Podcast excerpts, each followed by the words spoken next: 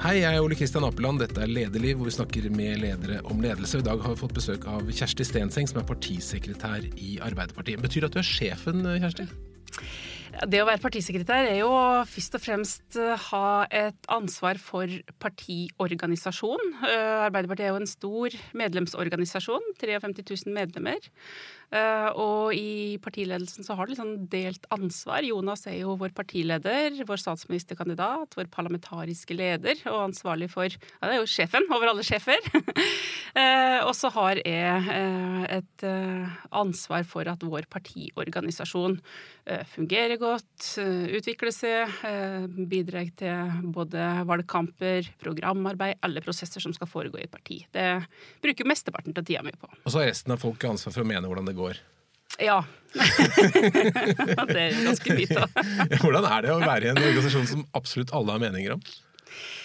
Nei, altså jeg er jo glad for at alle har meninger om Arbeiderpartiet, som er eh, det største partiet, og som har en stolt tradisjon og lang historie.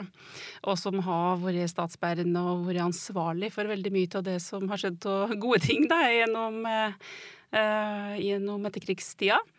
Eh, så det er jeg veldig glad for. Og jeg tenker jo at det skulle jo egentlig bare mangle at ikke mange har meninger når det butter imot eh, for oss. Men eh, til tider så kjenner jeg jo litt på det at nå skulle jeg ønske at temaet hadde vært politikk og politiske saker, og ikke alt det andre som fort får oppmerksomhet. Hvis vi går ett år tilbake, så så jo alt veldig lyst ut for Arbeiderpartiet. Da, trodde vel de fleste at dere skulle gjøre et kjempevalg og kom i mm. regjering og sånn, og så har det blitt et uh, år med et dårlig valg og masse annen støy etterpå. Ta valget aller først. Hva var det som skjedde? Dere har en veldig god valgkampmaskin, men det var noe rusk i maskineriet da i fjor? Nei, jeg vil fortsatt si at oss gjennomførte, altså partiorganisasjonen gjennomførte en god valgkamp. Det var butta imot på målinger, eh, spesielt da etter sommeren. Vi gikk jo inn i etter landsmøtet inn i sommeren med ganske solide målinger. Eh, men var fortsatt veldig klar over at eh, altså, Hun tok ikke noen valgseier for gitt, men vi hadde sjøltillit og, og, var ambisiøse og, og gleda oss til å gå inn i, inn i valgkampen. Og så fikk oss både ja, kom på defensiven sjøl med å sette dagsorden og få våre saker, som, som vi mente var viktig å diskutere i valgkampen, opp på agendaen. Eh, det var mye, så det var mye motvind. Eh, media var preget av negative saker om Arbeiderpartiet. Men til tross for det, da, så så oss en partiorganisasjon, frivillige medlemmer, som sto på til siste slutt. Så, så det var godt å se at du hadde en slitesterk partiorganisasjon som òg fungerte i, i såpass sterk motvind. Men hva var det som gikk feil. Nei, altså Vi har jo brukt lang tid på uh, sjølransakelse. Evaluere medlemsundersøkelser, analyser til valgresultatet. Og det er så vanskelig å peke på en årsak. Eh, jeg tror at det er en kombinasjon av at Arbeiderpartiet ikke klarte å uh, være det partiet som satte dagsorden, klarte å løfte våre viktigste saker, få fram det som var våre ambisjoner for fire år i regjering. Uh, og så var det jo en del saker som også uh, skapte litt sånn tvil om hvor Arbeiderpartiet sto hen. Eh, så jeg tror summen til mange ting. Mm. Både eh, politikk, for utydelig på vårt politiske prosjekt, og, og det at det var såpass mye eh, ja, såpass mange negative saker. Og klarte mm. aldri å komme ut av den negative spiralen. Mange, mange har jo pekt på, på Jonas Gahr Støre, særlig det bildet av han. Var ikke noe pent bilde, og så han, var det litt mm. uklar rundt noen aksjer og sånne ting. Er det blitt sånn at man er helt avhengig av en perfekt partileder for å vinne et valg i Norge nå? Altså, jeg håper ikke det, at vi er ute etter uh, perfekte folk. Jeg tror folk er opptatt av at politikere skal være, uh, representere befolkningen ellers og være uh, vanlige folk. Og det er klart, Hadde vi vunnet det valget, så tror jeg den plakaten hadde vært hylla. så det er jo alltid sånn i etterpåklokskapen så er det lett å si at det som Eh, ja, at ting ikke fungerte. Og så mm. ville det kanskje sagt at det fungerte hvis det hadde gått bra. Men det blir jo et sterkt personfokus i valgkamper. Det tror jeg kommer til å se mer og mer. At det blir tabloide overskrifter og, og fokus på, på, person i stedet for sak. Og, mm. og oss har jo et ønske om det, at det skal være politikken som står i fokus. Men, um, men jakten på Ja, selvfølgelig òg jakten på litt mer tabloide overskrifter. Det preger politikken mm. som Hva gjør det med jobben din? Nei, med jobben min Det gjør jo at oss, eh, oss er jo avhengig av å ha en organisasjon som kanskje i større grad og større deler av året, ikke bare valgkamp, er i kampanjemodus. At oss, eh, oss ser jo at hvordan sosiale medier, medier også har endra det å være et politisk parti, ikke mm. bare i kampanje, men at du, det, det foregår små og store politiske debatter liksom kontinuerlig. Eh, det er jo eh, Jeg tror ikke det er slik at det politiske engasjementet blant folk har gått ned, men det foregår på helt andre flater og andre arenaer enn der vi var før, da. Mm. Så det krever jo at Arbeiderpartiet fornyer seg som medlemsorganisasjon. Det er ikke de faste, tradisjonelle medlemsmøtene som skaper størst oppslutning lenger. Vi må være politikere som er tydelige på politikken vår på Facebook, på Twitter, svare når folk eh, er på der, og ser jo at eh, enkeltsaker skaper veldig stort engasjement. Mm. Sånn som eh, ja, så asyldebatten i fjor høst. Mm. Så det krever at vi er mye mer både forut for uh, saker og mye mer på, på veldig mange flere flater. Så det er klart det, det krever mer av politikere, altså enkeltpersoner òg, at du uh, liksom alltid er pålogga, da. Og alltid er på. Betyr det at du får en annen type mennesker som er engasjert i Arbeiderpartiet? Må de være liksom proffere?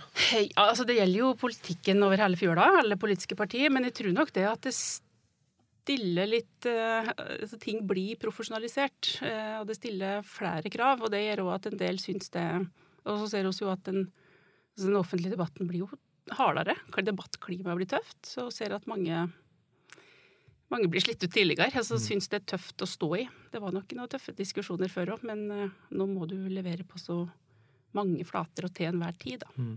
Leser at folk som skal være med på i reality-programmer, skal være med på Paradise Hotel, og sånn, så har du samtale med psykolog på forhånd for å se om du tåler trykket. Har det tilsvarende, er, det, er det tilsvarende i Arbeiderpartiet? Det er i hvert fall slik at oss uh, er opptatt av å backe folk, gi folk trygghet og stille opp når det, når det stormer. For det ganske mange tøffe stormer. Det er det i rikspolitikken, men det er jo det i lokalpolitikken. Det å være ordfører og stå midt i en ja, skolenedleggelse, strukturdebatter. Du får ganske mye tøff motstand og ja, hatytringer og mm. sjikane på nett. Og, og det, det, ser, det er ganske mange som uh, melder tilbake. Ser det nå uh, Mange skal vurdere om de skal ta renominasjon. Og spesielt kvinner vet du, så får mer uh, hat og mm. hatytringer enn menn. Mange som lurer på om de skal orke å, stå i det. Så er det blitt sånn at Hvis du da tar et verv, så må du liksom regne med å få litt hets på sosiale medier? Jeg tror du må regne med å få en del av det som eh, ja, som hun ser skje i kommentarfelt, og mm. uh, terskel for å ytre og mene for folk er annerledes nå. Uh, og det gjelder jo ikke bare politikken, det gjelder jo i samfunnsliv og organisasjonsliv og mm, for øvrig. Det er klart oss må være, oss jobber jo ganske mye med det, hvordan skal vi bli flinkere til å ja, ha en slags beredskap rundt våre toppolitikere uh, når det stormer som verst og i sosiale medier. Og det, det, er ikke så lett å møte det som uh, den gamle, tradisjonelle uh, kanalen, der du mm. hadde kontakt med velgerne dine. Så tror jeg at Dialogen er ofte litt hyggeligere når du møter dem på gata. Du kan godt være irritert og sint på en politiker, men terskelen for å ytre seg veldig negativt det er litt annet når du sitter bak skjermen hjemme. Mm. Og så Etter da dette ikke så bra valget, så gikk det en liten tid, og så begynte metoo å røre seg, og som ble en ganske stygg storm for dere i Arbeiderpartiet. Når var det du skjønte at det kom til å ramme dere? Uh, nei, Vi var jo forberedt på, når metoo-kampanjen starta, så var vi også forberedt på at det kan ramme Arbeiderpartiet. Uh, og forberedt oss spesielt på å gi ledere på ulikt nivå trygghet på oss hvis det kommer saker i vårt kommuneparti, i vårt fylkesparti.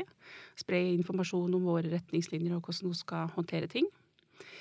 Eh, men det var vel eh, sånn månedsskiftet november-desember jeg skjønte at, at her kommer det til å ramme oss ganske hardt. Eh, med ja, først trykket som kom mm. fra media, og, og henvendelser og varslersaker som begynte å komme. Skjønte du omfanget av det?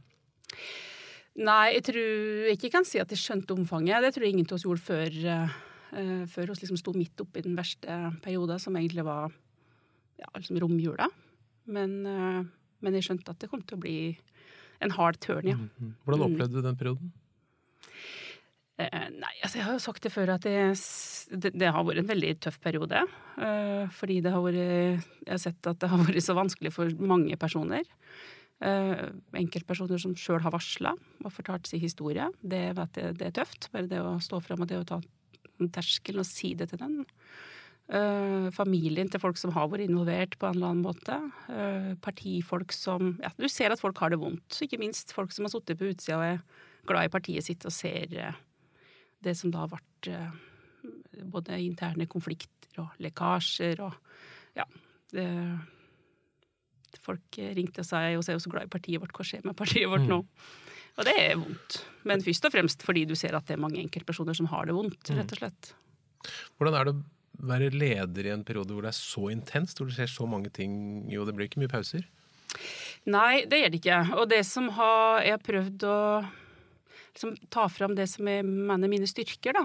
Og, og, det å være rasjonell, det å være rolig, det å heller hugge kaldt. Og det var jo mange som ropte på at nå må du ha rask behandling, og nå må vi bli ferdig, og media krever å få svar. og Uh, og det jeg tror var riktig, var å bruke såpass lang tid som oss gjorde. Jeg tror også de beslutninger du tar, har en mye større legitimitet da, i en så stor organisasjon som vår. Så det, det var mitt hovedfokus. At nå må jeg gjøre det som er riktig. Som, altså, som, når du har strukturer og retningslinjer i et, en stor organisasjon, så er det ikke minst i krisetid. Det er viktig mm. å helle sitt, være tro mot det. Uh, og det var nok innimellom litt fristende å ta noen snarveier, sånn bli ferdig med det. Men um, da prøvde jeg liksom hele tida å tenke at uh, det hun sier nå, det skal stå seg for ettertida. Hun skal kunne si at hun har hatt grundige prosesser, grundige vurderinger, tid i hensyn mm. som og til enhver tid så at dette ja, men det må også ha vært en fysisk veldig tøff periode? Altså. Det er ikke da du sov mest, kanskje? Nei, jeg må innrømme at jeg er ikke noe flink til å legge bort uh, jobb, eller spesielt i krevende tider når jeg kommer hjem igjen. Så jeg har nok uh, hatt en del søvnløse netter. Åpne mailer og mm. uh, nettaviser når jeg legger meg, og så er det et eller annet som du begynner å tenke på, og som du grubler på. Så, og så slutta jeg på treningsstudio, da. Men hva gjør det med vurderingsevnen? Så blir, blir man litt, klarer man å være like god? Nei, det tror jeg er nok en utfordring, fordi at uh, det er Altså, i den type saker også har du Du har jo ingen fasit. Uh, og alle saker, selv om du skal håndtere ting etter bestemte retningslinjer, så er alle saker forskjellige. Og det blir Du må ta ulike hensyn, du må ta skjønnsvurderinger. Um, og selvfølgelig så blir du følelsesmessig berørt. Så um, så det er jo det som er krevende og vanskelig. Jeg må si at jeg ble veldig, vært veldig sånn følelsesmessig berørt av det som skjedde. Uh, og jeg har sagt det mange ganger, jeg brukte jula på å grine stort sett, fordi mm. at uh, ja, det gikk inn på meg. Jeg syntes mm. det var veldig vanskelig. Men uh, samtidig liksom alltid tilbake til det fokuset. Hva er riktig neste skritt? Hva er riktig håndtering? Hvordan forholder oss til dette i tråd med det slik Arbeiderpartiet skal gjøre det? Mm. Hva føler du at du har lært av den perioden? Ja um det, det, jeg føler at det er liksom litt tidlig å, å, se tilbake på det. Jeg syns ikke at vi er helt ferdig med det ennå. Men det her, som i andre vanskelige saker jeg har vært gjennom i, i, mitt yrkesliv, så er det det her Husk alltid å beholde roa. Husk alltid å gjøre det som du mener riktig, selv om det ikke nødvendigvis er så veldig populært. Uh, og det er egentlig erfaring og lærdommen du tar med fra dette her òg. Og så denne her eh, erkjennelsen av at en alltid, for du blir alltid spurt har du gjort noe feil, kan du gjøre ting annerledes, og en leder som sier at du ikke kan gjøre noe annerledes, tror jeg um, må innse at du faktisk alltid lærer. Mm. Jeg har jo aldri vært borti en uh, sak tilsvarende denne her. Jeg har hatt andre krevende saker, men ikke i så stort omfang. og som har ramma så sterkt som det denne saken her har gjort. Og det tenker jeg at uh, jeg har drevet med mange erfaringer og lærdommer mm. som vi kan ta med inn i arbeidet for å, for å styrke partiet i andre enden, da. Du har helt sikkert hatt en del vanskelige samtaler. Er det, noe læring noe råd til andre ledere som skal ha vanskelige samtaler? Jeg tror det aller viktigste er at, eh, at du er ærlig. At du er deg sjøl, og at du er ærlig. At du ikke prøver å måtte framstille samtaler til å handle om noe annet enn det den faktisk skal handle om. Bare gå inn i, gå inn i kjernen av det som er, er saken, og så øh, prøve å skape trygghet. Uh, ikke gi uttrykk for at du skal arrestere den eller sette den på plass, men faktisk skjønne at uh, her sitter noen i andre enden som har det like vondt, og som har det kanskje enda verre, og, og at det er du som er lederen, at det er du som det er ditt ansvar her å, vise trygghet og, og skape en, et rom for trygghet, da. Mm. Sett fra utsiden så, så ble det skapt et bilde av at det hadde vært en god del ukultur rundt omkring i partiet. Når du ser på det i ettertid, føles det litt rart at det, at det har vært ting der som du ikke har, har sett? Altså, jeg, kjenner meg jo ikke igjen i det begrepet ukultur. fordi at det jeg har sett av Arbeiderpartiet, det er jo stort sett eh, trygge rammer. Folk som har hatt det bra i hop. Eh, både på møter og formelle arenaer, men òg i festlige anledninger. Uh, og så vil det alltid være i en så stor organisasjon, så vil det oppstå ting. Og det har jeg vel òg erfart at da er ganske raske til å slå ned på ting, ta opp ting, prate med folk. Uh, og det er jo slik at vi også har håndtert både varslingssaker og, og, andre vanskelige saker tidligere. Men de har jo ikke fått så mye altså Ikke i det omfanget, har han ikke så mye medieoppmerksomhet. Ehm, men eh, det var nok en annen kultur eh, hvis du går lenger tilbake i tid, for 10 år siden, for 20 år siden. Men det gjaldt samfunnet ellers. Det ser du tror jeg, i norske mediehus, i bedrifter, næringsliv ellers. At eh, festkulturen og måten du omgikk en annen etter en konferanse, var litt annerledes før. Så det tror jeg ikke er spesielt for oss. Men jeg, jeg kjenner meg ikke at, de, at det har vært en dårlig kultur i Arbeiderpartiet. Men, men det vi må lære av nå, da, er jo en økt bevissthet rundt at folk skal være trygge. Og jeg er jo glad for at uh, terskel for å si fram ting har, har senka seg. Mm. Ikke bare om trakassering og alvorlige tilfeller, men òg hvordan vi oppfører oss. Med disse to ubehagelige tingene, da, siste året, først valget og så metoo-saken etterpå, hva har det gjort med partiet? Nei, altså det tror jeg bare må være helt ærlig å si at det har ikke vært bra for partiet vårt. Det har jo alle som har sett det litt fra utsida, sett at vi har hatt uh, turbulente tider, og at det fortsatt er ganske krevende. Vi uh, gjorde jo et uh, dårlig valg, veldig dårlig valg, uh, og noen av oss tenkte at ja ja, men nå går det bare oppover. og det gjorde det jo ikke. så det har skada partiet vårt i ganske stor grad, fordi at når mange saker, mange negative saker legges oppå hverandre, så Eh, så blir det, sånn, det sakene konkret. Eh, valgnederlaget, eh, det skal vi jo takle, og skal klare å komme oss videre fra det. Varslingssaker må håndteres som det det er, og så blir det i kjølvannet og rundt så blir det spekulasjoner, og så blir det eh, lekkasjer, og så blir folk litt mistroiske, og så blir folk litt engstelige. Um, så det er jo med å skape en, en kultur der folk ikke blir helt trygge. Eh, og der har vi en jobb å gjøre for å bygge opp igjen laget. Og det er klart eh, slik som det har rammet Arbeiderpartiet, da, at uh, noen fra i ledelsen må tre ut, mm. så er klart at det å skape jo Det er jo ikke slik at såret leger over natta. Vi må bygge sakte, men sikkert. Mm. Uh, partiorganisasjonen vår. Stå samla, få fokuset på på politikk og, og, det som står foran oss. Så hva, hva er planen? Hva er liksom hoved... Hva er det? Nei, det er du gjøre dette? det er en stor jobb. Det er en stor jobb. Eh, og nå er det jo valget i 2019 som er det viktigste, og 21. Og så tror jeg at vi eh, må erkjenne at vi må bruke litt tid. Målet nå må være et valg i 19 der vi klarer å gjenvelge flest over mulig til våre ordførere. Vi er et bedre valg enn i Vi gjorde jo et veldig godt valg i 2015, Du beste på nesten 30 år. Um, så målet nå må jo være å bygge oss opp igjen fra det nivået vi er på nå. Uh, og det har vi også sett, at vi har mm. klart å stoppe nedgangen og snu. Um, og hatt en liten positiv framgang.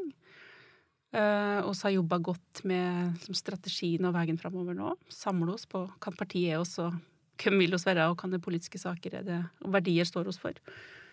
Uh, og det har oss fullt fokus på nå. Nå er det reising ut i alle kommuneparti og medlemsmøter og fagbevegelse og fokus på våre nye kandidater fram mot neste valg. Mm. Og det, det bruker oss heldigvis mer og mer tid på, og mindre og mindre på konfliktsaker og det som har vært. Men tror du de sakene har svekket uh, lojaliteten og innsatsviljen til folk ute? Ja, jeg tror at den type saker er med å, å svekke tilliten.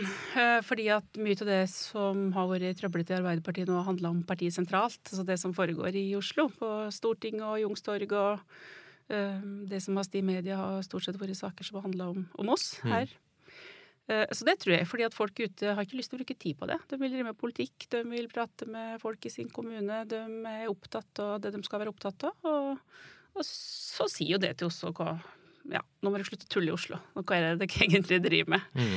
Uh, og det er, jo et, det er jo glad for. Det er jo et sunnhetstegn, for det viser at det er en partiorganisasjon som, som tar ansvar i vanskelige tider. Uh, og det har jeg, har jeg, sagt til dem mange ganger, at jeg er utrolig glad for. At når dere mm. har sett på alt det som har foregått i Oslo som ikke har vært bra, så har dere jammen stilt opp og gjort det dere ja, skal bruke tida på. Og det Vurderte du å backe ut på et tidspunkt?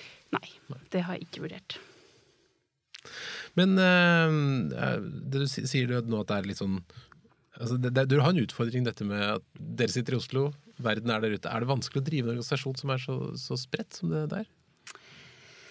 Uh, nei, akkurat måten organisasjonen er bygd opp på, uh, det tror jeg fungerer bra. Uh, og det er jo det som er styrken vår, at vi er en brei folkebevegelse som har gode ambassadører over hele landet. jeg tenker det, det, er jo det som gjør oss til et et stort parti. Nettopp det at vi har mange lokale politikere som hver eneste dag både vedtar og gjennomfører arbeiderpartipolitikk. Eh, og så har oss jo eh, Det er jo et fåtall av oss som sitter her i Oslo. Det er selvfølgelig Stortinget, men, eh, men ellers så har du kommunepolitikere, fylkespolitikere. Det er jo dem det er flest av. Og det, det er dem som påvirker hverdagen til folk. Eh, men når det stormer, og når det er vanskelig, og ikke minst etter et eh, dårlig valg, så er det jo lett at det blir en avstand mm. mellom folk som sitter og prater mye om den berømte grasrota, eh, mens med folk som sitter ute. Eh, og, og, partiet sentralt. Da. Og det å klare å prøve å liksom bygge ned den avstanden Beste måten å gjøre det på nå, er at vi er mest mulig ute. At uh, fokuset handler om det som skjer ute. Jeg skal bruke all min tid nå ute stort sett på medlemsmøter og møteprogram, samråd ute i kommunepartiene. og og så har vi jo sant, oss har jo nå sittet eh, drøye fire år i opposisjon, satt i regjering i åtte år. Da blir det jo veldig lett et, ja, et styringsparti der eh, du har veldig fokus på det som skjer i Oslo. Så og så har jeg brukt tid på det nå de fire åra jeg har satt i opposisjon, på en måte bygge organisasjonen ute, men eh, det tar litt tid. Mm. Og Uh, både tillit og lojalitet uh, og avstand, da, eller ja, større avstand til partiet sentralt, det kommer fort i kjølvannet av litt vanskelige saker. Nå har vi så mye fancy teknologi. Man kunne tenkt at man kunne snakket med alle medlemmene på, på Skype eller podkast mm. hver dag, men du føler at du må ut? for å... Må... Ja, jeg tror det er viktig. Jo, jeg har satt i gang et eh, organisasjonsprosjekt for å se på hvordan vi skal fornye partiet vårt. Bruke Skype, bruke digitale flater, lage litt andre typer arenaer for å engasjere, engasjere seg. Men uh, i tillegg så tenker jeg at det er jo der du prater med folk. Det er der du ser hvordan politikken vår virker i hverdagen. Det er der du får de ja, viktigste tilbakemeldingene. Så det gjør Jonas reiser veldig mye, og oss reiser veldig mye alle sammen. Er det noe som du har gjort det siste året som du ikke er fornøyd med? Ja, men jeg tenker at uh, både når det gjelder eh, valgkampplanlegging, gjennomføring, hvordan vi har klart å løfte politiske saker. hvordan Alt kan alltid bli bedre. Mm. Eh, og det er klart at eh, etter et eh, så dårlig valg, så går vi jo ekstra sjølkritisk til verks og ser på hva er det vi eh, har mislyktes med.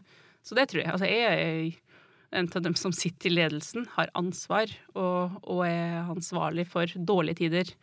Jeg skal, jeg tar ansvaret for dårlige tider, og så skal andre ha æren for gode tider. Det er en partisekretærs lodd i livet. Men selvfølgelig. Det, oss bruker mye tid på å lære av det vi har gjort feil. Mm. For å snu det litt, hva er riktig? Hva er bra? Hva er du stolt av det siste året?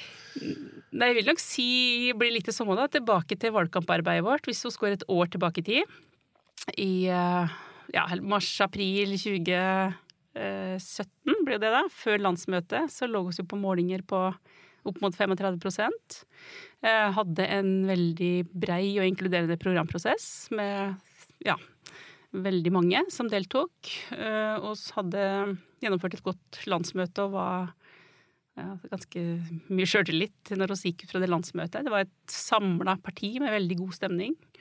Uh, og vi bygde òg en god valgkamporganisasjon med en strategi som var godt forankra, og som uh, ja, jeg vil si at det, det sto veldig bra til, da, og så godt forberedt på det vi skulle inn i.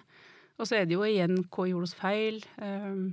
Hva skjedde i valgkampen? Hvorfor fikk oss ikke et bedre valgresultat? Men jeg tror vi gjorde mange ting riktig da, og var mm. godt forberedt på valgkampen, sjøl selv om, om den gikk som den gikk. Mm. Nå har du da opplevd veldig sånn medvind og solskinn, også motvind. Hvordan, mm. hva, hvordan må du agere forskjellig? Hvordan, liksom, hva er forskjellen på medvinds-Kjersti og motvinds-Kjersti? Nei, altså jeg er jo en person som eh, har veldig lite bølgedaler i følelseslivet mitt. Da. Selv om jula var en følelsesmessig skikkelig nedtur, så, så er jeg sånn rimelig uh, veldig sånn realist. da, At selv om vi uh, gikk inn i en valgkamp der det så ganske lyst ut, så var jeg veldig sånn det, Dette er på ingen måte en selvfølge at det skal gå bra. Det er mange skjær i sjøen. Valgkamp er tøft. Ingenting er avgjort. Så så medgangskjersti må jo bidra til å Det er jo min jobb uansett, da, om det er medgang eller motgang. Bidra til å motivere folk, gi folk trygghet. Um, få alle de frivillige i partiet vårt til å trives, til å blomstre, til å føle det meningsfylt å være del av vårt parti. Ikke minst min jobb å lytte. Mange som ringer til meg for å uh, lette hjertet sitt, eller klage, eller kritisere noen stortingspolitiker som har vært ute på en dum sak. Uh, så jeg bruker mye tid på det få tilbakemeldinger fra partiorganisasjon og være det viktigste talerøret til enkeltmedlemmene inn i, i det arbeidet vi gjør i, på Youngstorget og mm. Stortinget. Blir du ikke drita lei noen ganger å få alle disse telefonene? Det har nok kanskje Nei, jeg syns det er kjempemorsomt eh, å prate med folk ute. Jeg blir bare motivert av det. Og, og når du er sliten en kveld og tenker nå har jeg bare lyst til å legge meg på sofaen, så reiser du ut på et medlemsmøte, så bare Yes, det er her du får at... eh, energien. Og det er ofte jeg savner det. Å sitte i lokalpolitikken og være med i et kommunestyre og få lov å bare diskutere politikk. Mm. Men eh, Og det hender jo med meg som alle andre at du innimellom blir drittlei. Eh, og nå når det har storma som verst, og du syns du driver og krangler med enten det er journalister eller andre om ting som overhodet ikke har noe med politikken å gjøre, så tenker jeg jo innimellom at kan dere bare være så snill å klappe att? Slutte? Når vil jeg fred? og det er jo lov å tenke innimellom, da. Men uh, jeg syns jo det er kjempeartig. Så finner, liksom, hver eneste dag så finner jeg en eller annen motivasjon, pågangsmot, til å fortsette. Hva er det du håper at Arbeiderpartiet skal få til i de kommende årene, da? Bortsett fra å vinne valget, men hvilke saker er det som virkelig mm. driver deg? Nei, altså jeg er opptatt av at vi tydelig nå skal vise fram hva partiet vårt er. At vi er et uh, et stort sosialdemokratisk parti som er trygt plassert på venstresida i norsk politikk. At vi klarer å uh, få fram de sakene som jeg mener er kjernen i verdigrunnlaget vårt. At vi er et parti for uh, rettferdig fordeling. At vi klarer å løfte de sakene som betyr noe for de svakeste i samfunnet. At vi klarer å gjøre noe med at det fortsatt er 100 000 unger som lever i lavinntektsfamilier i Norge. At det fortsatt er 25 av ungene våre, én av fire, som ikke klarer å fullføre skoleløpet sitt. Uh, og at det òg er store forskjeller mellom hvem det som har råd til å sende ungene sine på fritidsaktiviteter og ikke. Så det som er uh, ja, de gode verdisakene som betyr noe for dem som har det vanskeligst, det håper jeg at vi skal klare å både sette dagsorden på, men ikke minst å, gjøre noe med. Uh, så det er det viktigste. Og så skal vi nå inn i en lokalvalgkamp, og da er jeg opptatt av at alle de flotte ordførerne våre får synliggjort, og at oss skal bidra til å synliggjøre politiske resultater. Hva, hva det betyr at uh, Arbeiderpartiet styrer en norsk kommune. Det er hovedfokuset framover. Og ja, i tillegg til å vinne valg, som alltid er uh, det viktigste. Fordi at oss vil ha gjennomført politikken vår, og da er det mest effektive å vinne valg. Uh, men det er jo selvfølgelig at Arbeiderpartiet skal litt ut av den, den sumpen vi står og trakker i nå, og at det er et parti både der det er godt å være med, der du har uh, folk som trives, politikere som uh, har lyst og motivert jobben sin, og de er det jo veldig mange til nå, og de fortjener et parti som ja, som oppe på 35 Jeg skal ikke si noe, klarer det, skal ikke si noe tall, for det har jeg brent meg på før. 36,9 kan man si. ja, men, men oss trives jo bedre på et annet nivå enn der hos er nå. Tror du du klarer det på halvannet år? Jeg skal være forsiktig med å sette av sånne klare eh, krav til hvor det skal være når. fordi at, eh, som jeg sa i stad, jeg har vært opptatt av at eh, det tar tid å bygges opp igjen fra tøffe tider. Og den tida skal vi bruke. Og det aller viktigste nå er å ja, bygge sakte, men sikkert. Få tilbake entusiasmen i partiet vårt. Få tilbake tilliten, ikke minst fra dem som tvilte på oss i fjor høst, og som ikke stemte på oss. og å bygge et, eh, et sterkt lag som skal ut og få gjennomført politikken sin. Og da har jeg ikke lyst til å si til folk at uh, det må oss uh, det må oss rekke innen den og den datoen, men uh, ha hovedfokuset nå på at vi skal styre mange kommuner etter 2019, mm. og så må vi inn igjen i regjering i 2020. Har det kommet noe bra ut av denne tiden i, i sumpen? Uh, Nei, altså jeg vil nå si at det først og fremst er negativt for et parti å, uh, å ha såpass uh, mye negativt fokus og negative saker. Men jeg tror alltid at det er, det er jo alltid læring. Uh, og at en kan komme styrka ut av det. Men, men, først og fremst så vil jeg nok si at det har vært tøffe tider som mange kunne tenkt seg å være foruten. Mm. Hvis du møter en ungdom i dag som sier at hun har lyst til å bli å gjøre en karriere i Arbeiderpartiet og bli partisekretær etter hvert, hva er de tre viktigste rådene til en mm. som vil gjøre en slik karriere? Nei, altså Jeg gir jo ofte råd til våre kvinner da, oss her inne på skolering og som skal backe til å ta på seg verv. og det Mitt viktigste råd er jo at du skal tro på deg sjøl, at du er god nok. For det er mange nok som vil si at du ikke er det. Eh, så det er det viktigste. Være trygg på at du er mer enn flink nok. Eh, og at du òg skal tørre å gå inn i en kamp, og kanskje tape den kampen. Eh, det å bli nummer to er slett ikke dårlig. Eh, det å ta større plass. Det å stille kritiske spørsmål til hvordan vi gjør ting. Det er det som har vært med å endre oss og endre strukturene våre. Og selv om vi jobber mye med å fornye partiet vårt, så er det fortsatt prega av gamle strukturer og, og kulturer også. Og det, det har jo vært veldig bra med uh, med metoo-kampanjen. At terskel for å si fra, terskel for å ta plass og ta rom, er òg endra, tror jeg. da. Jeg tror vi vil se det i eh, både i vårt parti og i andre partier i tida som kommer. Og så er det et annet viktig råd til alle uh, kvinner spesielt, og det er at du må tørre å gi litt mer faen. Lese litt mindre sakspapirer. Tørre å stille litt uforberedt innimellom. Det er ikke et mål i seg sjøl, men veldig mange legger så store forventninger på seg sjøl at, at, de rett og slett ikke orker mer. Og så, så stå opp og si fra. Og eh, ha trua på at det du gjør, er riktig, sjøl om du òg får kritikk og ikke alltid er like populær. Og så er ikke politikere for bare å bli populære, og så er dere råd for å eh, endre verden, da. Mm. Kjersti Stenseng, tusen takk for at du kom til Lederliv.